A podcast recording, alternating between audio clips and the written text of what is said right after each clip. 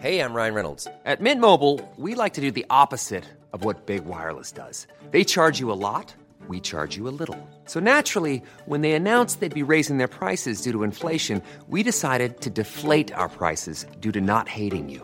That's right. We're cutting the price of Mint Unlimited from $30 a month to just $15 a month. Give it a try at mintmobile.com slash switch. $45 upfront for three months plus taxes and fees. Promo rate for new customers for limited time. Unlimited more than 40 gigabytes per month. Slows. Full terms at mintmobile.com.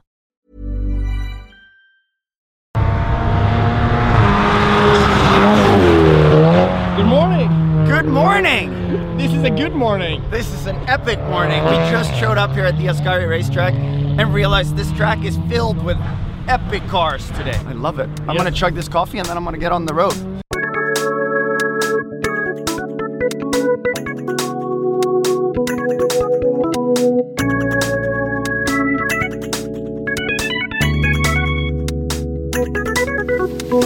Hej och välkomna till Freeride-podden, er snorkel i det bottenlösa podcastpudret.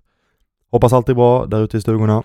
Snöläget i Alperna verkar ha börjat ljusna lite grann i alla fall, så eh, ni som sitter där ute på säsong ska veta att vi är riktigt avundsjuka på er här hemma.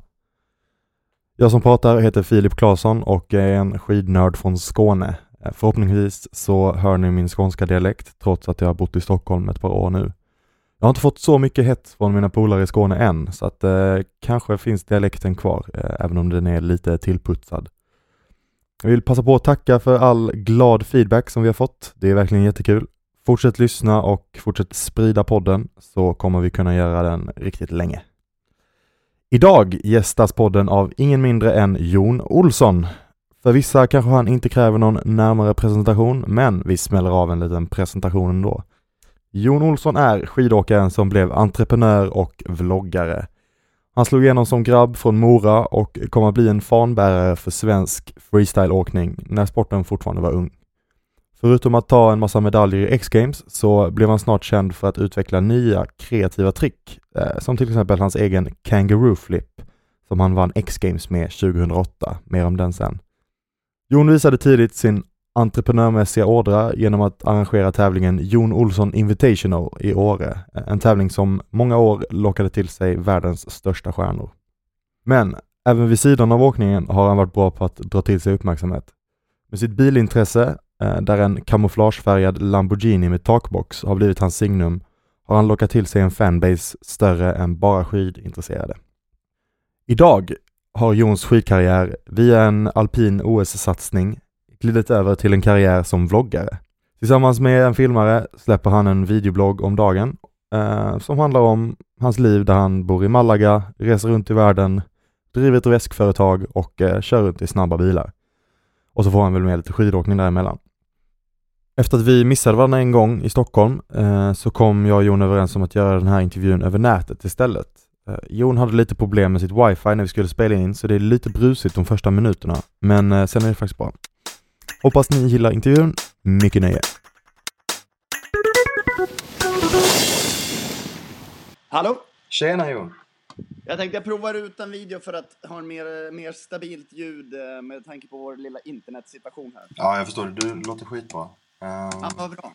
Fan vad gött. Uh, sorry att det dröjde lite där. Det var... ehm, fick fixa något nytt program till eh, Facetime som inte funkade till Skype och hela den grejen. Ja, Men eh, det ska funka bra nu.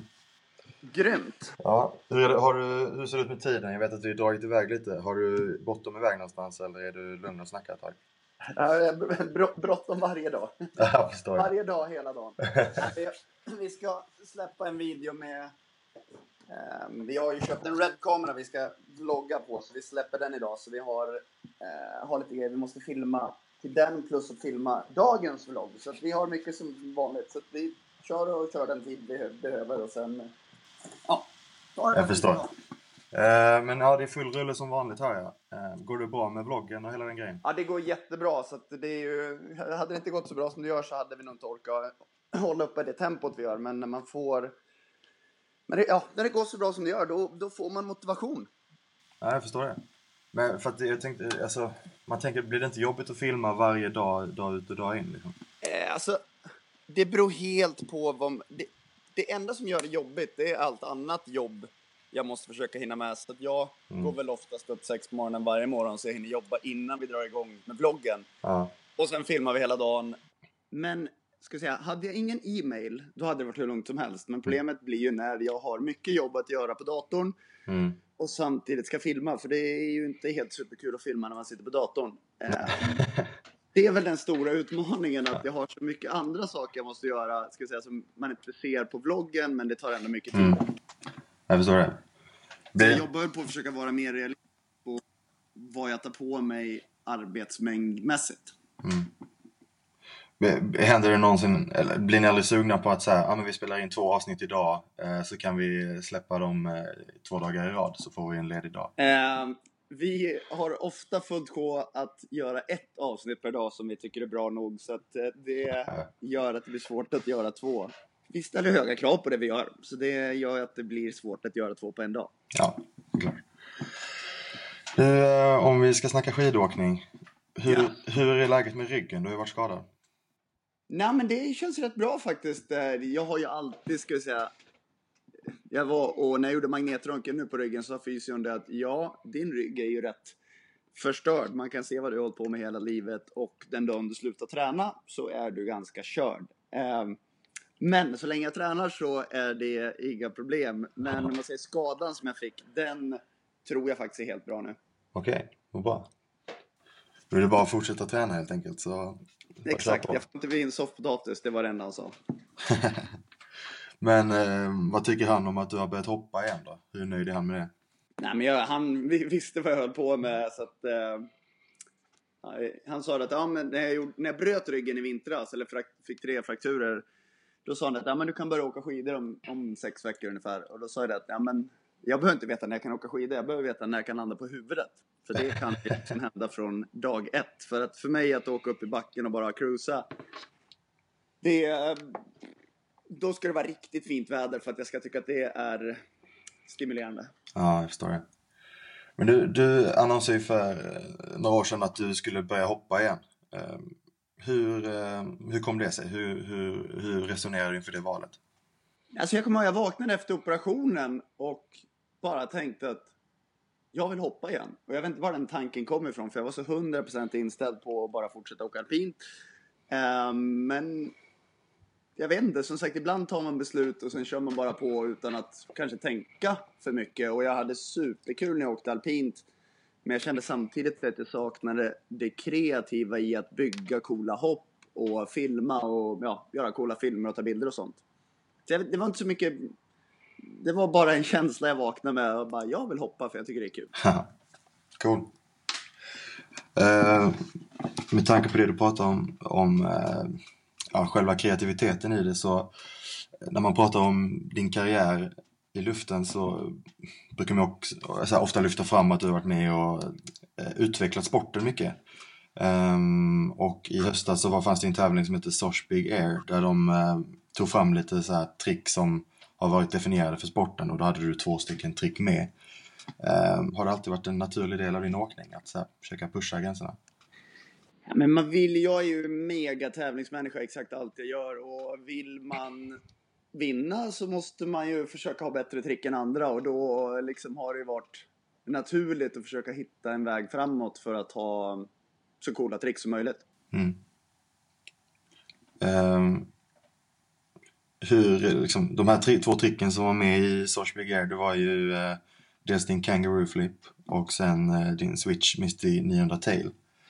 Ehm, så här, hur, finns det någon story bakom hur du liksom utvecklade de tricken?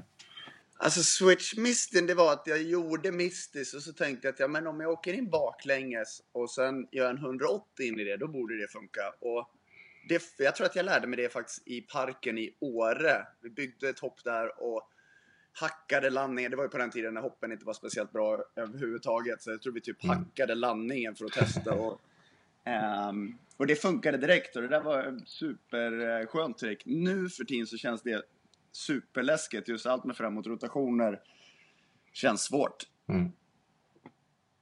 Eh, men det var superkul att lära sig det och sen gick jag under på Switch Misty 10 som jag nu tycker är ett skönare trick, eller jag sist jag gjorde det. Men sen Kangaroo Flippen, det var, den lärde jag mig faktiskt jag fick idén när jag låg i Brasilien i en pool under vattnet. Så tänkte jag, men jag är ju bra på flatspins. Ja, men om jag gör två flatspins och så vrider jag in baklänges, det borde ju kunna funka. Men sen tänkte jag inte mer på det på ett halvår och sen gjorde Simon och Turner illa sig och då kände jag att jag måste hitta på något för att ska vi säga, ja, få upp självförtroendet igen och då kom jag att tänka på det tricket och det slutade med att vi drog till Australien och provade det på vattenhopp och det funkade ju faktiskt. Så att då, ja, så därav Kangaroo-namnet att jag eh, gjorde det första Aha, okay. vattenhopp i Australien. Och sen plockade du hem X-Games på det också, det var ju schysst. Ja, det var riktigt kul. Eh, som sagt, X-Games. Det är svårt som europé på X-Games i och med att det mm. är ett tv-program och det är bättre att ha en mamma som står och gråter i målfållan än det att vara en europé som kommer ner och ja, vad bra hopp jag gjorde. Uh, så det har jag och Håtveit pratat om många gånger att det är um, inte helt lätt att vinna som europé och gör man det så blir det extra kul. Ja, ja det är väl en um, kanske en uh en åsikt om uh, X-Games som man har hört från ganska många håll. Det här, att det, de är glada i sin uh, i dramaturgin och kanske i sina egna åkare också. Absolut. Så är det, men det efter tio år där så insåg man att så är det och det är bara att ja, vänja sig vid det och göra det bästa av situationen. Ja. Du, om du ser tillbaka på karriären, vad, vad är det största du varit med om? Ett, om jag får välja några grejer så skulle jag säga att vinna X-Games 2002 i pipe eh, ligger absolut med i toppen just för att X-Games var första liksom, begärtävlingen jag såg på TV. Och det var det liksom som fick mig att shit, jag vill börja med den här sporten. Så att då några år senare få stå på toppen av pallen på X-Games var sjukt, det var nästan overkligt. Eh, och sen tror jag nog att vinna X-Games med Kangaroo Flippen, det var sjukt kul för då fick jag liksom känna att ja, men nu har jag, jag vann 2002, 2008 och det var en väldig bekräftelse för mig att känna att jag har varit med i toppen av sporten så pass länge. Ja. Och sen självklart att var, ha varit med och utvecklat sporten och liksom pushade från ja, singelvolter till dubbelvolter. Fett. Just det här med alltså från singelvolter till dubbelvolter. Um, här, när du, du tog hem, ja, när du tog hem X-Games då med din Kangaroo Flip, det var ju åtta år sedan. Uh, idag, eller i höstas, så såg vi Jackson Wells från Nya Zeeland uh, landa en quad. Uh, hur ser du på den utveckling som, som händer inom sporten? Alltså det, jag har ju alltid gillat att pusha saker och det är ju helt sjukt att se vad de gör nu för tiden. Det är helt galet. Ehm, så att, ska vi säga, utvecklingen, man vill pusha saker och ting, den tycker jag det är supercoolt. Eh, sen är det klart att det har en fara med det också att tävlingar, ska säga att sporten dras för mycket åt trampolinträning, eh, olympiska coacher och liksom sporten idag är ju en helt annan än det var när vi började. Mm. Um, och det finns ju positiva saker med det, men jag tror också att vi hade sjukt roligt. Jag menar, jag och Henrik Winstedt drog ut i, i, i liksom hängdriver och skottade upp ett litet hopp och bara skickade oss baklänges och hoppades på det bästa. Um, så det var ju mycket oseriösare, men på samma sätt kanske mer lek i det förr i tiden. Ja. ja, det är säkert en stor skillnad alltså.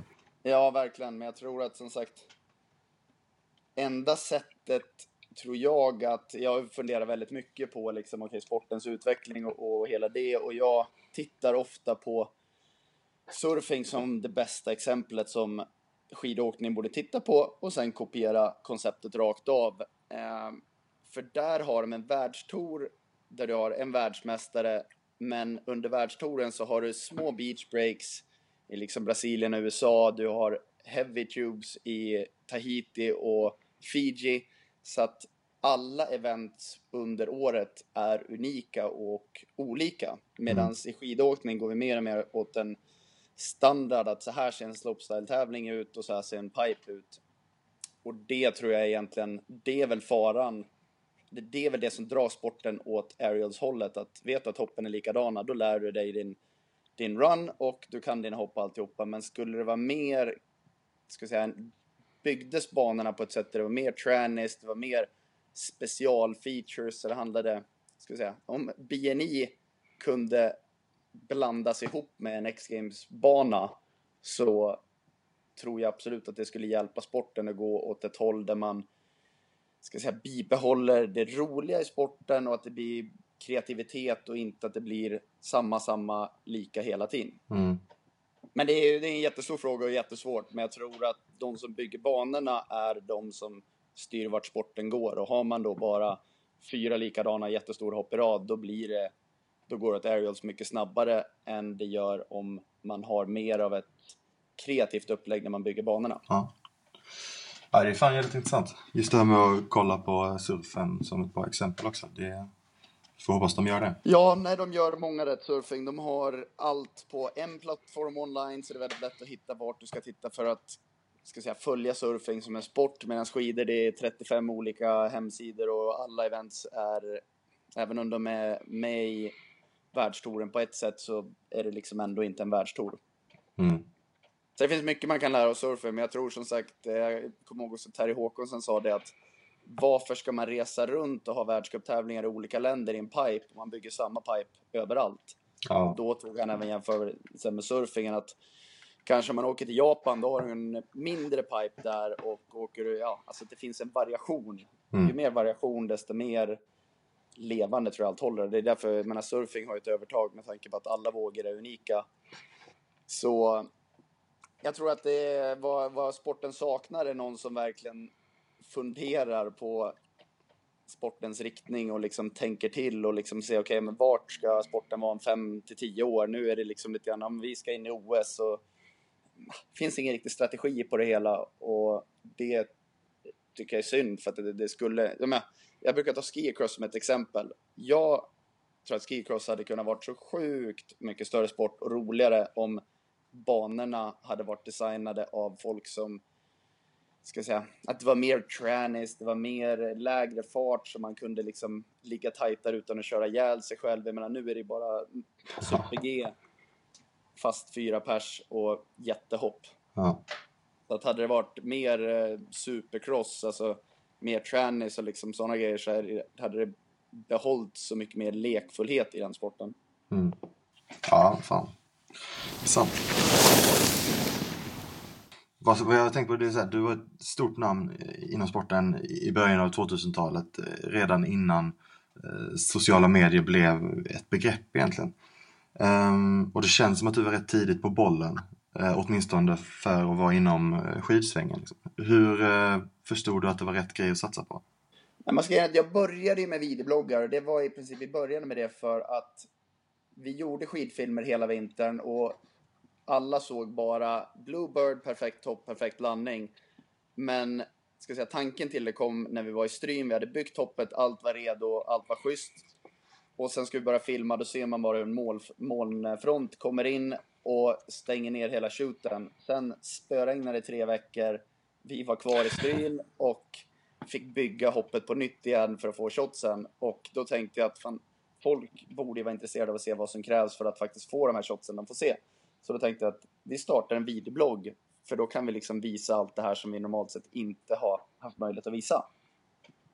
Ehm, så där någonstans började det och sen så eh, insåg väl jag också att ju mer sätt du kan hitta som gör att du kan ge dina sponsorer exponering även om du inte vinner en tävling, desto säkrare blir du med dina sponsorer.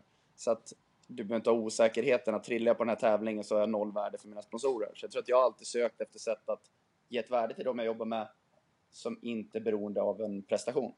Och sen, eh, jag menar, nu är det ju så enormt, i och med att jag även äger douchebags så får jag ju titta, sitta och titta på sponsring från andra sidan. Jag får sitta på bolagssidan och titta, okej, okay, men jag tittar på de här atleterna och så, vad tycker jag de gör bra? Vad eh, är värdet på det? Och eh, det blir bra då man får ifrågasätta det man själv gör. Skulle jag själv sponsra mig själv? Vad är bra? Vad är dåligt?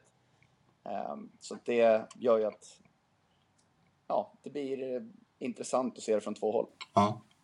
Men eh, om, eh, om det är någon atlet som lyssnar på det här där ute nu, vad, vad ska de tänka på i sina sociala medier för att impa på Jon Olsson?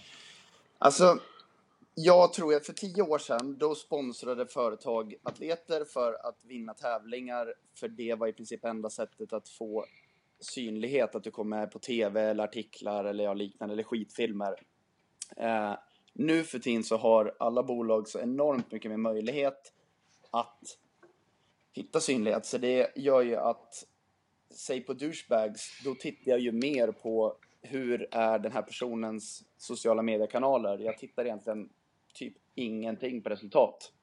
För att när jag som bolag sitter och tittar på värdet hos en atlet eller en influencer eller vad som helst så är det baserat på hur trogna följare har personen, hur många följare har de, hur bra är bilder, ska säga. Tycker jag att mina produkter framställs på ett bra sätt eh, på de här kanalerna. Så att mitt eh, enda råd är att vill man vara professionell skidåkare om tio år så kommer sociala medier vara mycket viktigare än resultat. Sen är det klart att allt det där hänger också ihop, men när man ser bolag som antingen kan sponsra en influencer som inte är proffsskidåkare med en halv miljon följare eller sponsra en proffsskidåkare med 3000 följare, då blir det en smartare investering att sponsra en influencer. Jag säger inte att jag tycker om den utvecklingen med tanke på att de som är duktiga på att åka skidor har slitit sjukt hårt för det, men å andra sidan är marknadsföring, ska säga, det är den verkligheten vi lever i och kommer ännu mer leva i framöver. Mm. Så det, det, det är alltid svårt att bygga sociala medier. Jag menar, det, nu har vi gjort videobloggar 223 stycken blir det väl nu, 223 eh, dagar i rad och det är sjukt mycket jobb. Jag menar, jag har gått upp sex på morgonen varje helg de senaste sju månaderna. Ehm, så det är ju ingenting som ger sig själv, men det var Casey Neistat, en av de största videobloggarna i världen, eh, och han sa det att nyckeln till ska säga, framgång på sociala medier är just, just keep on, on uploading. Mm. Så att det, det tror jag är det viktiga att man bygger. Jag menar, vi, jag tittade på statsen häromdagen och efter två veckor så tror jag att vi inte hade typ en enda video som var över 10 000 views. Uh, nu får vi typ 100 000 views på ja, men, sex timmar. Så att vi har liksom bara pushat på, pushat på, pushat på, pushat på och när folk ser att det händer något hela tiden då känner de att följa med så blir jag, får jag uppdateringar hela tiden. Ja. Så att eh, det, jag menar, det beror på, jag menar, vill man vara proffsskidåkare då gäller det att man kan finansiera det på något sätt och då gäller det att ta det på allvar. Jag menar, lägger du två minuter per dag på dina sociala medier så är det klart att det inte blir ett lika bra resultat som om du lägger tre timmar per dag. Och jag gillar ju att läsa på. Jag sitter och analyserar olika, jag tycker allt sånt här är intressant. Så jag kan ju gå in på ett Instagram-konto och bara gå igenom det kontot och titta vad har olika bilder fått för feedback? Hur mycket likes får det? Hur mycket kommentarer? Eh, vad är det som är bra med bilden? Vad är det som är dåligt? Och ja, men att man, precis som man går i skolan för att lära sig saker så kan man inte förvänta sig att man lär sig sociala medier av att bara posta en Instagram-bild per dag. Man kanske får lägga lite tid att ska säga, analysera och studera och se okay, vilka personer gör det bra. Vad är nyckeln till det? Och det tror jag väl är, det, det är väl det bästa rådet jag kan ge att det är så pass viktigt om man vill vara proffsskidåkare att man bör lägga mycket tid på det. Mm. Och det tror jag att det gör inte folk i allmänhet. Det är så alltså? Ja, men om man säger så här, hur, hur många atleter tror du går in och analyserar Instagram-konton för att lära sig vad som fungerar? Men å andra sidan så analyserar de alla skidtrick som görs enormt mycket. Men vill man kunna leva på sporten så gäller det att man är bra på båda delar. Så att man får helt enkelt man får inse att det inte bara att ta mobilen och ta en bild och sen tro att nu gör jag sociala medier. Skidor blir du bra på för att du tränar på det och du analyserar och funderar. Precis samma saker med sociala medier. Mm. Han här, Casey Neistat som du nämnde, Eh, som är en av världens största vloggare. Han, eh, ju för eh, alldeles nyligen att han kommer lägga ner. Ehm, hur ser du själv på din så här, framtiden för vloggen? Ehm, vi har ju sagt att i ett år då ska vi göra en video varje dag. Ehm, vi kommer garanterat fortsätta ungefär på den stilen, men det är klart att behöver jag sätta mig på datorn en hel dag så kanske vi tar någon dag i månaden tar vi bara, men vi gör ingen video idag för vi behöver jobba och det är en svår fråga. Vi, har, vi vill ju hela tiden göra allt så bra som det bara går. Så att jag sätter ju alltid en enorm press på mig själv på allt jag gör, oavsett om det är skidåkning eller starta ett nytt varumärke eller göra Youtube-videos. Så att vi vill ju alltid göra allt så bra det bara går.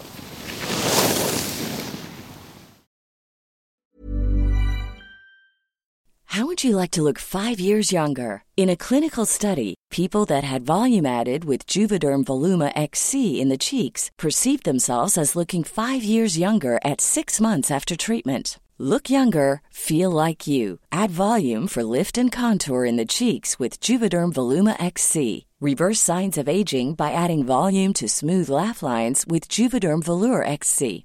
For important safety information and to find a licensed specialist, visit juvederm.com. That's J U V E D E R M.com. Not for people with severe allergic reactions, allergies to lidocaine, or the proteins used in Juvederm. Common side effects include injection site redness, swelling, pain, tenderness, firmness, lumps, bumps, bruising, discoloration, or itching. There's a risk of unintentional injection into a blood vessel, which can cause vision abnormalities, blindness, stroke, temporary scabs, or scarring. Talk to a licensed specialist to find out if it's right for you.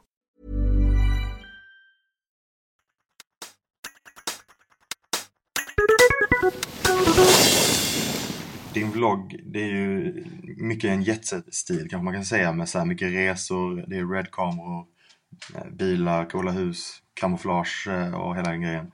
Eh, men så här, var är det du tjänar pengarna ifrån? Är det från, är det från Youtube-filmerna eller är det från tidigare i karriären eller är det från olika sponsoruppdrag? Liksom?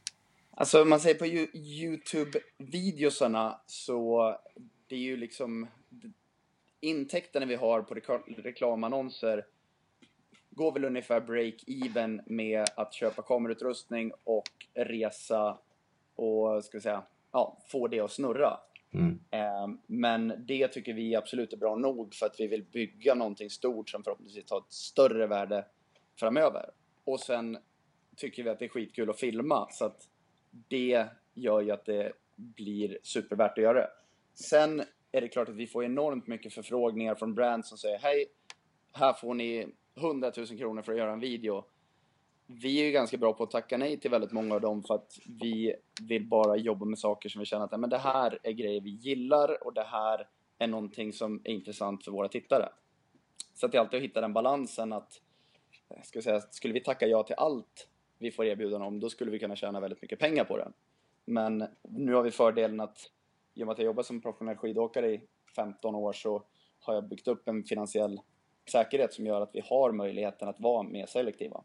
Mm. Men för att svara på, på din fråga, det är 15 år av sponsorintäkter eh, framför allt som hjälper till att finansiera det vi gör och ska säga, det är den livsstilen vi har. Och sen är det klart att när man sitter med 400 000 views per dag så är det ju klart att det är ju ett jättevärde för de bolagen man jobbar med. Så det gör ju att även om jag kanske inte åker lika mycket skidor, skulle, ja, som ett bra exempel, skulle jag sitta på ett bolag som sponsrar mig, skulle jag sitta på deras marknadsbudget så skulle jag ju anse att det vi gör nu har ett 10, 20, 30 gånger större värde än vad jag någonsin hade när jag vann X-Games. Mm. För att det är ju liksom, jag menar vi ser på, på Douchebags nu, vi gjorde en, en limited eh, edition eh, kamouflageväska och den sålde vi slut på nio timmar och det tror jag det kommer väldigt mycket från att vi har så stort följarantal och det är väldigt, ska säga, trofasta följare i och med att de får följa med dagligen på allting så, så blir det, jag tror att de får en helt annan connection till det man gör. Mm.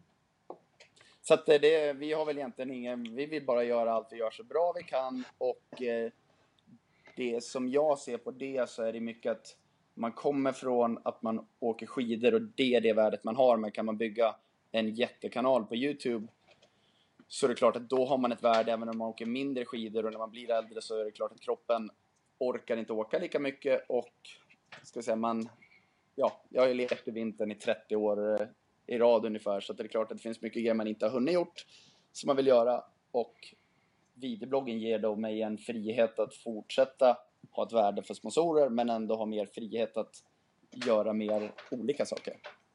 Ja. Så det är lite som en, eh, vad ska man säga? Det är lite som en, eh, det känns lite som att det har blivit en övergång från skidkarriären till eh, nästa karriär kanske, eller? Ja, nej men precis. Menar, som idrottsman, då vet du att du blir bättre och bättre och bättre på något och sen vet du att en dag så tar proffskarriären slut och det tror jag att det är en oro som alla idrottsmän har, att vad gör jag sen? Och kan jag då skapa en brygga mellan skidkarriären och om man säger douchebag som ska säga, vi håller på och bygger och kan jag då ha en brygga på det så att inte jag behöver ta ut massa lön från douchebag så att allt det kan gå till att bygga det bolaget så kan ju det då om två, tre år göra att bolaget är värt enormt mycket och vi har liksom kunnat optimera den övergångsperioden. För några månader sedan, det var nog precis innan vi eh, skulle prata för första gången, ehm, så var du i New York och la ut ett ganska annorlunda klipp på ditt blogg där du satt på ditt hotellrum och snackade och ehm, berättade för alla att du har ADHD. Eh, och jag måste först och främst säga att det var helt coolt av dig att liksom, berätta på det sättet inför alla. Ehm, så här, hur resonerade du inför att berätta och hur, eh, hur har du liksom förändrat dig att få veta det?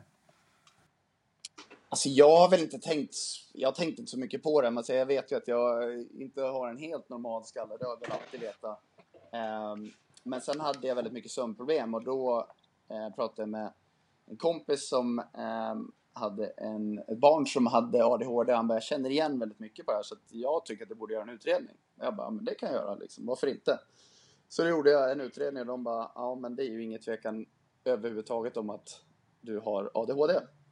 Ehm, och för mig, ska vi säga, folk har stort att berätta. Jag bara, alltså för mig är det ungefär lika stort som att jag har en förkylning. Alltså, jag bryr mig verkligen inte om någon vet om jag har ADHD eller inte. Så att uh, för mig var det, ja, ja, jag har ADHD och ja, sen är det inte mer med det. Nej.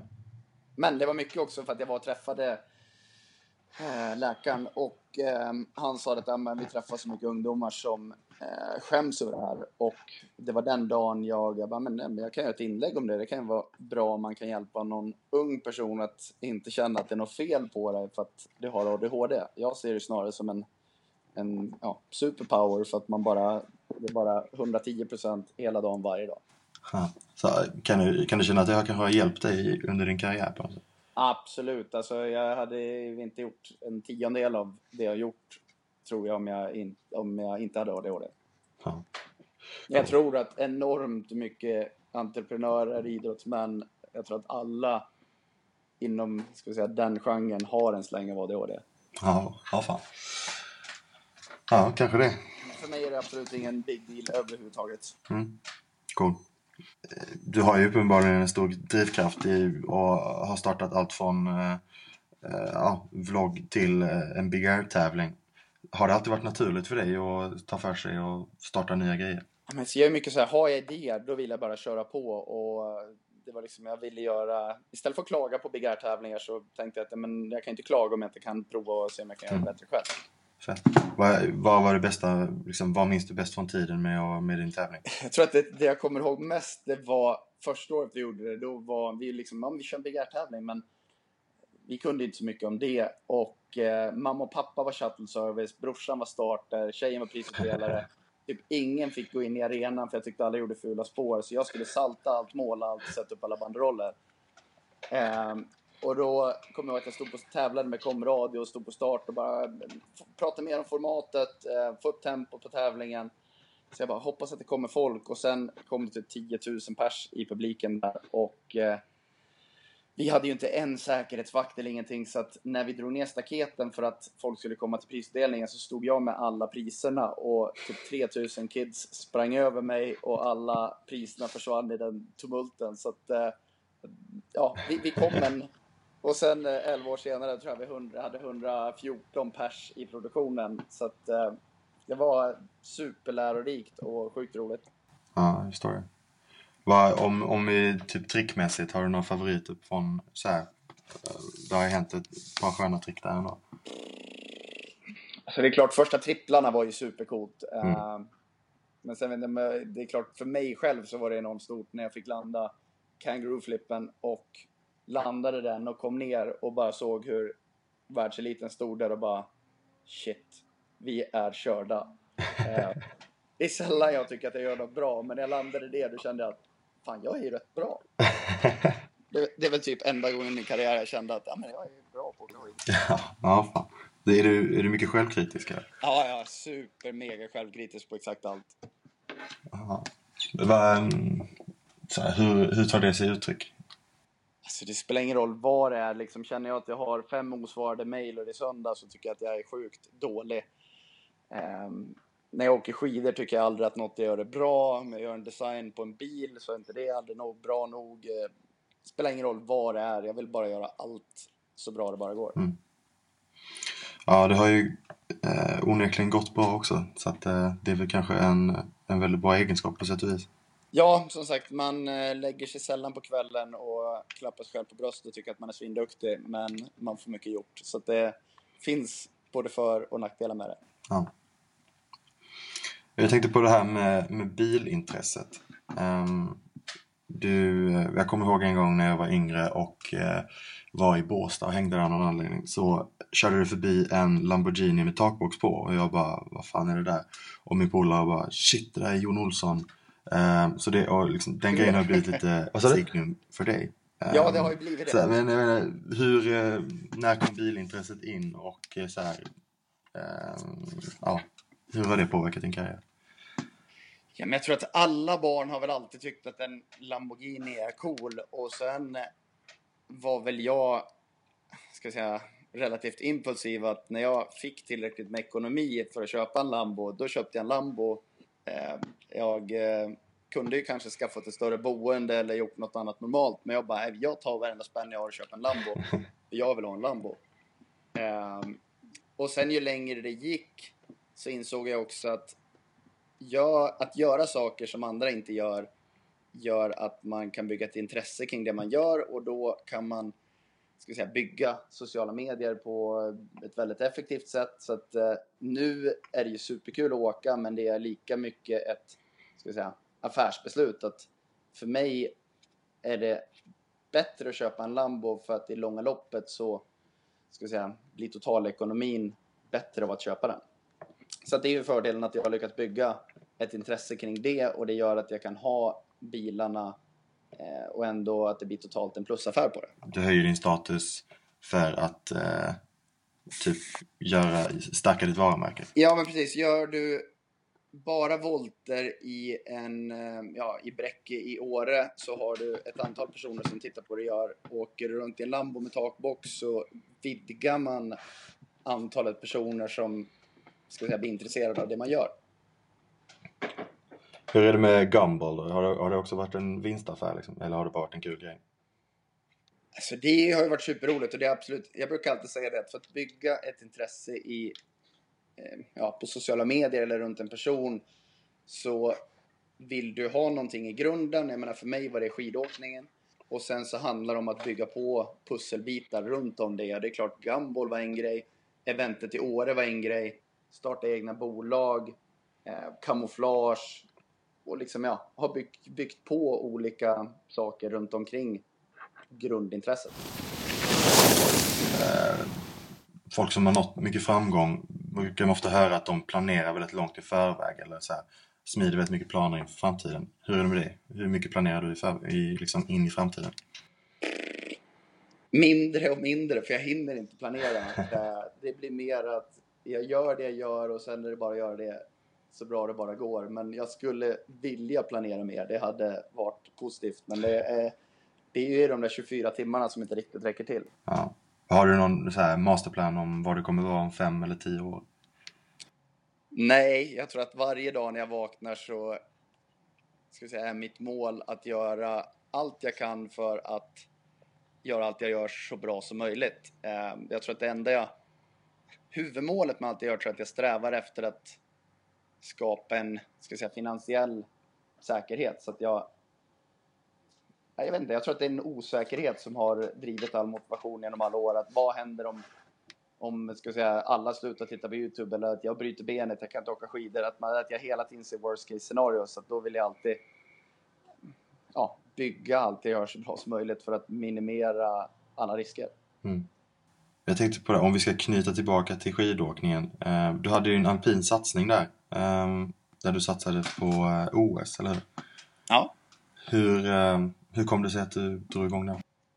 Jag tror att alla vet väl eh, att jag slog vad med Byggmark eh, i Båstad och det var väl egentligen ett skämt från början men sen åkte jag på en träning med landslaget och det gick enormt bra. Så då tänkte jag, men kanske kan göra det här. Så det var ju bara ett skämt från början och sen så vart det seriösare och seriösare och träffade enormt mycket härliga människor och det var skönt att tävla i en sport jag inte förväntades vinna och ja, slå från underläge. Eh, och sen är det klart att något nytt är ju alltid kul. Så att jag hade sjukt roligt hela vägen. Sen kom jag inte hela vägen dit jag hade eller jag planerade väl inte att jag skulle ta mig till OS. Det var inte liksom, det var ju bara en, ett skämt från början. Men det gick egentligen mycket bättre än jag någonsin kunde tro. Sen är det klart, man vill alltid lyckas med sina mål, men eh, det målet lyckades jag inte med. Men det fick mig även att inse att, ska säga, freestyle vann jag X-Games i. Men det gjorde inte att jag vart något lyckligare. Men jag insåg att när jag körde alpint så hade jag sjukt roligt, träffade bra vänner och insåg ju kanske att vägen till målet är ju kanske viktigare än att nå dit. Mm. Låter superklyschigt, men, men det fick mig att inse att vad man gör varje dag är ofta viktigare än vart man når. Ja. Ja, så. Jag förstår det. Um, om vi tittar på hur ser det ut inför den här vintern? Vad, vad har du för planer? Eh, Vi håller på att sätta ihop planerna. Eh, Jag blir ju mer och mer selektiv med när jag åker, så att det har ju varit mindre skidåkning nu på hösten. Jag, vi skulle åka till Australien och Nya Zeeland, för eh, där vet jag att det är ofta bra väder i Australien och det tycker jag är sjukt roligt. Eh, Men då gjorde jag illa ryggen, så det vart ju tyvärr inte något med det. Sen nu under november-december så har jag tidigare åkt mer, men det är så sjukt hit or miss vad det gäller väder i, i de, ja, den här tiden. Mm. Så då har jag valt att göra ja, massa andra saker som jag de sista 15 åren inte kunnat gjort. Och sen första januari så drar vi till Kanada eh, för att köra heliskiing och sen höll vi på att planera massa olika resor eh, under vintern. Det blir troligtvis mer puder än jag gjort tidigare år.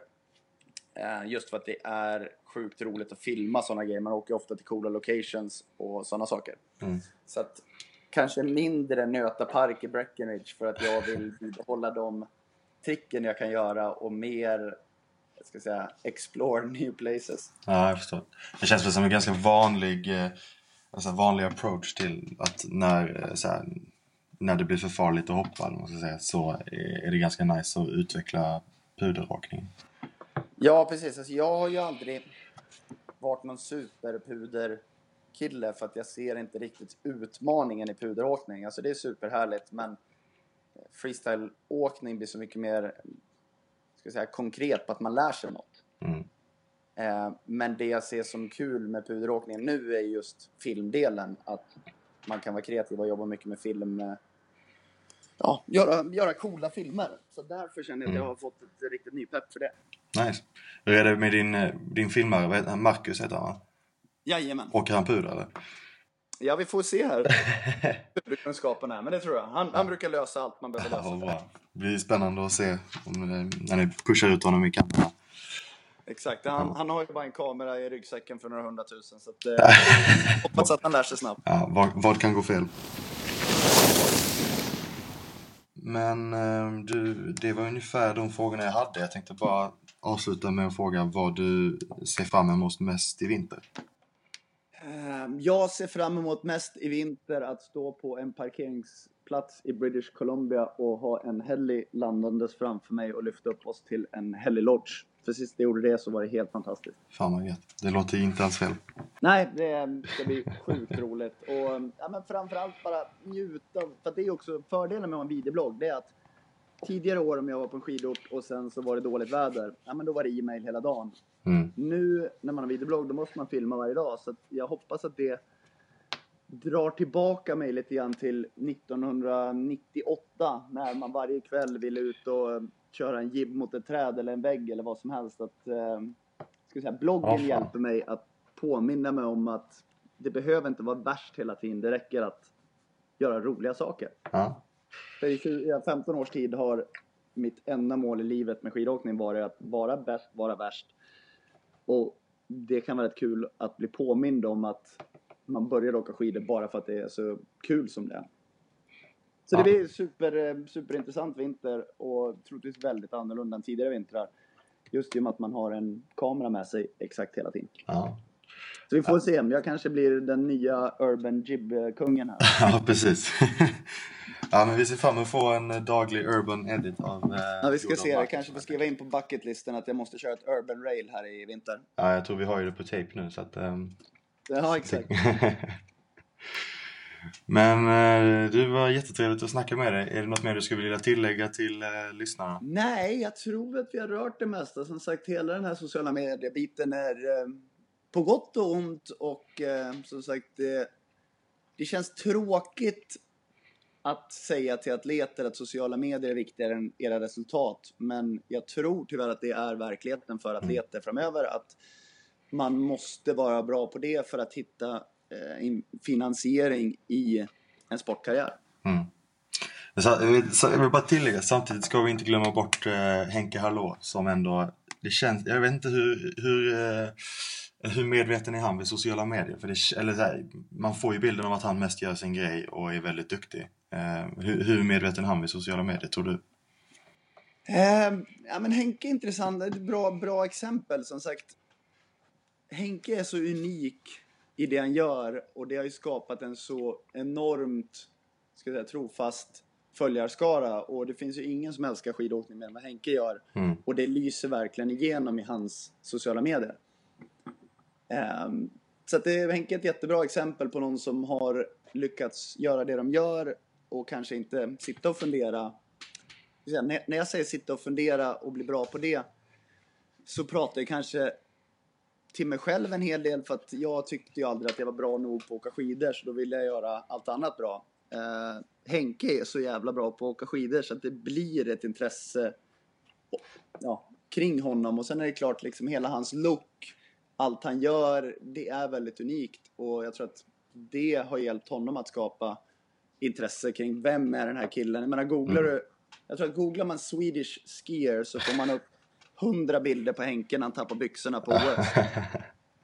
Ehm, så att det finns enormt många olika sätt att göra sociala medier. Jag menar, man behöver inte ha bäst bilder, du kan ha superroliga captions, eh, du kan ha mycket video. Det finns liksom så enormt många, många olika sätt och då kanske det gäller att titta på vem man är, vad man gör och sen hitta inspiration från andra man kan tycka att "Ja, men, de där gör det bra de är rätt lika mig. Jag menar, det, det passar inte alla att göra samma sak. Alla kan inte köpa en Lambo med takbox utan man måste titta på vem är man och hur kan vi optimera det för att skapa intresse i det man gör.